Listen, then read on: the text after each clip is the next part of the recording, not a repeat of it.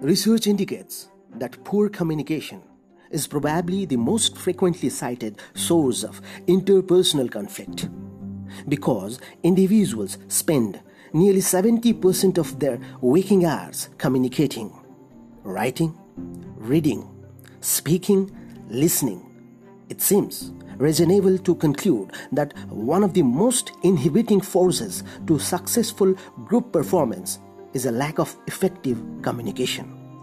Watson Wyatt 2003 and 2004 and 2005 and 2006 studies on communication found that communication effectiveness leads to enhanced organizational performance. Companies that communicate effectively are 4.5 times more likely to report high levels of engagement and 20% more likely to report lower turnover rates. Good communication skills are very important to your career success. 2007 study of recruiters found that they rated communication skills as the most important characteristic of an ideal job candidate.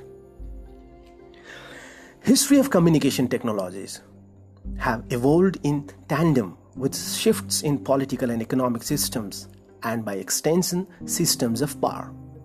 Communication can range from very subtle processes of exchange to full conversations and mass communication. The history of communication itself can be traced back since the origin of speech 5 lakh BC. The use of technology in communication may be considered since the first use of symbols about 30,000 years ago. Cave paintings, petroglyphs, that is rock carving, pictograms, that is pictorial symbol for a word or phrase, ideograms, that is character symbolizing the idea. All of these were the first ever modes of communication. Symbols were developed about 30,000 years ago. The imperfection of speech, which nonetheless allowed easier dissemination of ideas and eventually resulted in the creation of new forms of communications, improving both the range at which people could communicate and the longevity of the information. All of these inventions were based on the key concept of the symbol.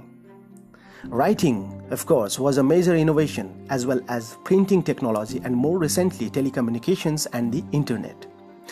Sumerian archaic writing and Egyptian hieroglyphs are generally considered the earliest true writing systems, both emerging out of their ancestral proto literate symbols from 3400 to 3100 BC, with earliest coherent texts from about 2600 BC. No one knows exactly when or how human beings came up with the spoken language. One postulate is that language began between 1 lakh and 50,000 years ago with the advent of modern man. This is well before the invention of the written language about 5,000 years ago. Physical features that, that distinguish humans from other creatures may have supported speech production. Evolutionary development resulted in partial adaptations making speech possible for early humans teeth, lips, mouth, tongue, larynx, pharynx. So now uh, we will try to define what exactly the communication is. Before communication can take place, a purpose expressed as a message to be conveyed is needed. It passes between a sender and a receiver. The message is encoded, that is converted to a symbolic form, and passed by way of some medium or channel to the receiver, who retranslates or in other words decodes the message initiated by the sender. The result is transfer of meaning from one person to another. The key parts of this model are the sender, encoding, the message, the channel, that is the medium, uh, decoding, the receiver, noise, and the feedback. The sender initiates a message by encoding a thought or idea. The message is the actual physical product from the sender's encoding. When we speak, the speech is the message. And when we write, the writing is the message. When we gesture, the movements of our arms, our eyes, and the expressions on our faces are the message. The channel is the medium through which the message travels. It is selected by the sender, who must determine whether to use a formal or informal channel. Formal channels are established by the organization and transmit messages that are related to the professional activities of the members. They traditionally follow the authority chain within the organization. Other forms of messages, such as personal or social, follow informal channels in the organization or in the society or in the group. These informal channels are spontaneous and emerge as a response to individual choices. The receiver is the object to whom the message is directed. But before the message can be received, the symbols in it must be translated into a form that can be understood by the receiver.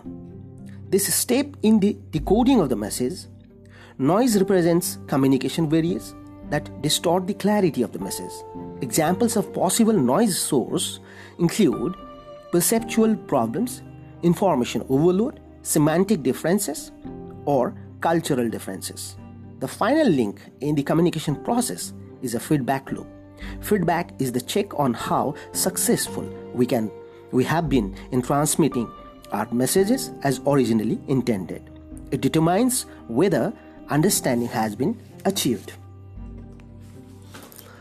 So, communication can be defined as the transmission of information, suggesting understanding meaning, maintaining social contact, common system of symbols, signs, or behavior. Uh, there are certain universal facts about communication. Communication is related to every human activity. It's very obvious. And communication involves two or more than two parties, always. Communication may be one way or two way process. Success of communication depends on proper understanding of the parties involved. Otherwise, the communication goes futile. Communication in organization flows uh, in various patterns. Communication is media or channel based.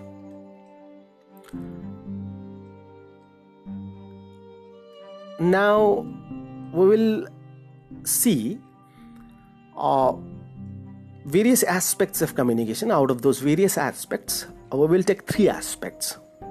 One is verbal mode of communication, another is body language, and another uh, is speech.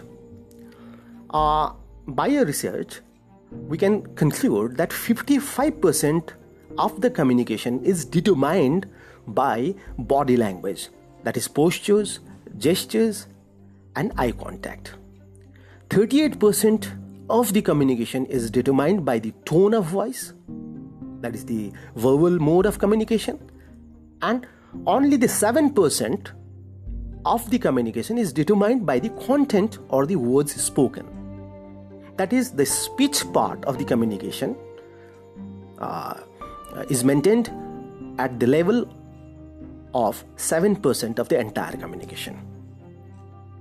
Now we will discuss the types of communication. Uh, there are although several types of uh, communication, uh, we will try to discuss four kinds of communication that are the important ones. Uh, one is interpersonal communication, the communication that takes between two or more people Another one is organizational communication. Uh, uh, all the patterns, networks, and systems of communications within that happens within an organization. Uh, formal communication, in which uh, there is always a pattern, disciplined uh, pattern of uh, maintaining the communication. Then the informal communication. sometimes we even take grapevine within the group or within the organization also as informal communication and the researchers have proved that the informal communication uh, most of the times uh, proves to be more powerful than the formal one uh, we will try to correlate johari window model with the interpersonal communication johari window model explains the four aspects, four dimensions of personality. One is open self, in which the information about you uh, is known to you, that is yourself, and known to others. There is hidden self in which the information uh, is known to you, information about you is known to you, uh, but then it is unknown to others. Third quadrant is blind self in the Johari, Johari window model. There are four quadrants one is open self, another is hidden self, another is blind self, and the last one is unknown self. In blind self, uh, the information about you is unknown to you but then known to others. And the unknown self quadrant, this dimension, is uh, neither known to you nor known to others. So these four quadrants of Johari window model has got some connectivity with interpersonal communication. In open self, all the information necessary to conduct effective communication is known both to sender and receiver. Both are aware of the same feelings, assumptions, and data. In blind spot or blind self, when relevant information is known to others but not known to you, the person in a blind spot will suffer because of not being able to decode information properly. In facade or hidden self, the information is known to self but not known to others. The person may present a false front or facade. So, this might hamper the communication. In unknown self, neither party knows the relevant feelings, sentiments, or information in the communication. So, interpersonal communication suffers a lot. So now we come to non-verbal communication, communication transmitted without words.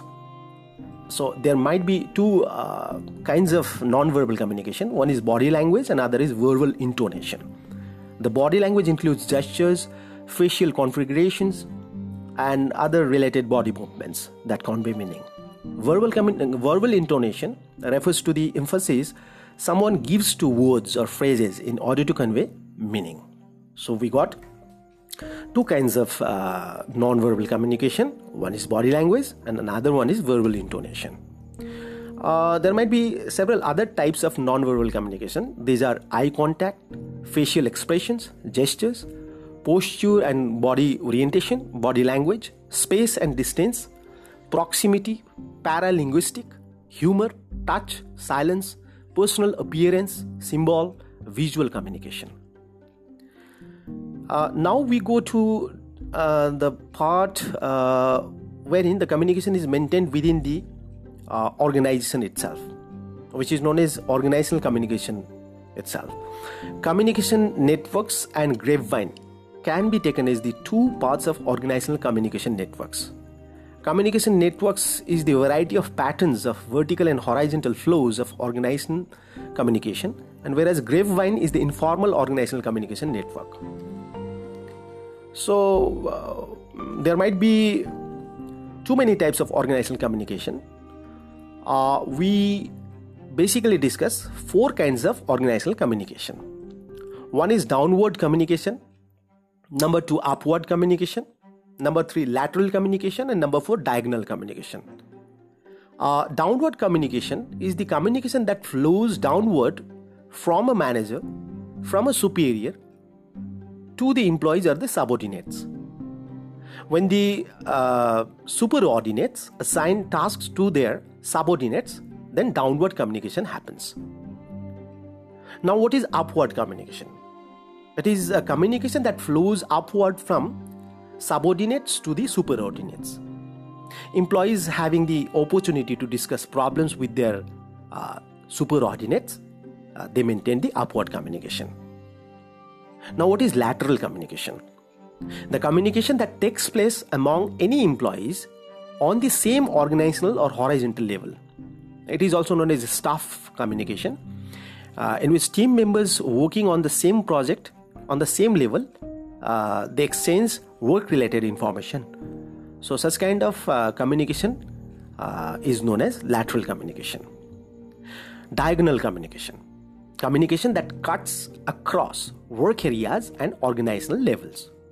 Members from different departments communicating on a personal level is known as diagonal communication. So, we discussed four kinds of organizational communication. These are downward communication, upward communication, lateral communication, and diagonal communication.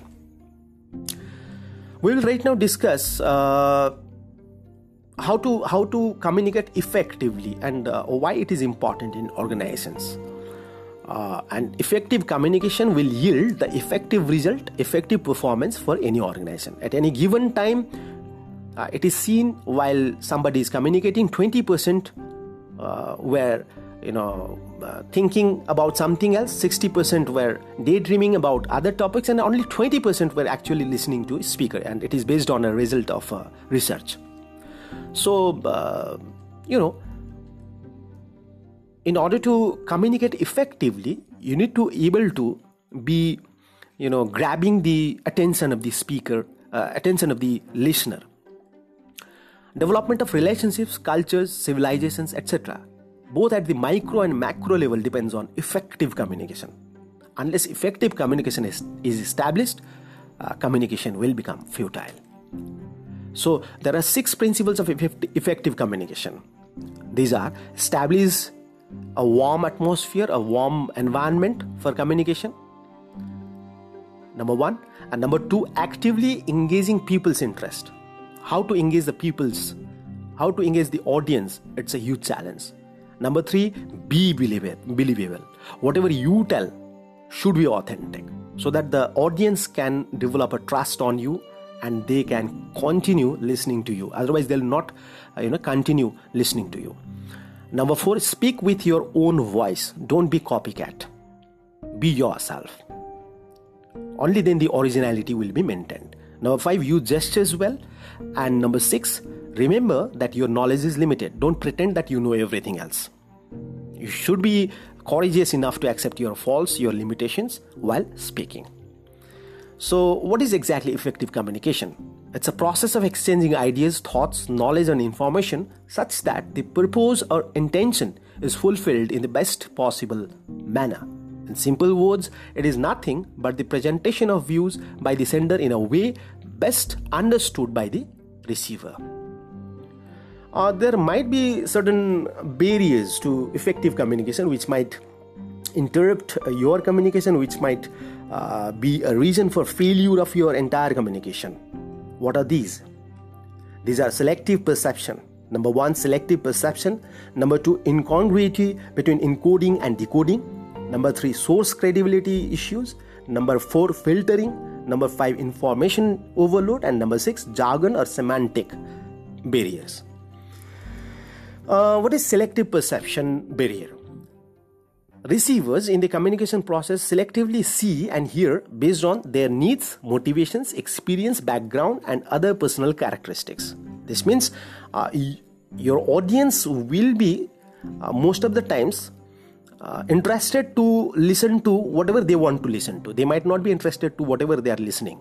So say this is selective perception issue which might occur during communication. Incongruity between encoding and decoding when there is a difference between what has been sent as a message and what has been understood. Uh, chinese whisper is one of the best examples of this. Uh, this issue of communi- effective communication in which uh, the encoding and decoding doesn't match with each other source credibility issue, unsure of the origin of the information, leading to questioning the authenticity of it, ultimately not putting attention to the message. The uh, you know the audience might have a confusion regarding the source of the communication from where the communication is uh, you know transmitted for whom the uh, you know communication has been uh, maintained or established. So source credibility issue might occur as a barrier to effective communication filtering, the deliberate manipulation of information to make it appear more favorable to the receiver. So, this filtering issue might also uh, crept in as a big barrier to effective communication, wherein the audience uh, will be, you know, misguided, misled if uh, the, you know, communicator tries to manipulate the information. And this is known as filtering issue. Information overload. It occurs when information exceeds the, you know, processing capacity and uh, it exceeds the you know um, acceptability of the audience and you know uh, the information overload even might uh, you know uh, destroy the attention level of the audience last but not least jargon related issues. Uh, jargon means the technical terminology specialized terminology or technical language that members of a group use to communicate among themselves. And most of the times it is seen that if you use uh, most of the times jargons you know then the communication might be affected. Uh, the best example of you know avoiding the jargons to make the uh, people's uh, you know acquainted with the subject matter we can take from the greatest uh, scientist of our century after uh, isaac newton and uh, einstein stephen hawkins who wrote one very very very famous book. You know it it has been a bible in modern day astrophysics. The name of that book is a brief history of time. In the preface of that book hawkins tells in one of the uh, paragraphs that uh, he had uh, tried a lot he had struggled a lot to uh, you know keep this entire book uh, which which is of more than 400 pages. It, it discusses about the you know um, evolution of the universe from big bang to big crunch um, this deals with the you know sophisticated astrophysics quantum mechanics and all uh, advanced physics modern physics which and, and and which is impossible to discuss without the mathematics and without the uses of the uh, equations and all. Uh, he told in uh, preface he wrote the uh, he wrote in the preface that he tried to avoid the equations uh, you know and you know mathematical expressions and he tried to keep the book in narrative form wherein he is narrating the story of the evolution. And uh, but then he he is apologizing with the reader that uh, he used at, he had to use one equation which he could not keep away with. And that equation is very very very simple equation of physics. That is e is equal to mc square. So this was one of the um, you know novel example of uh, avoiding jargons um, you know and, and stephen hawkins of course um, you know achieved this success in uh, reaching out to the common mass like a very simple man very common man mundane man can also read this book to understand the very intricate very complex uh, theories of physics so this is how uh, we can avoid the barriers to effective communication so uh, with this we come to uh, an end of this discussion. We will meet in our next video. Thank you.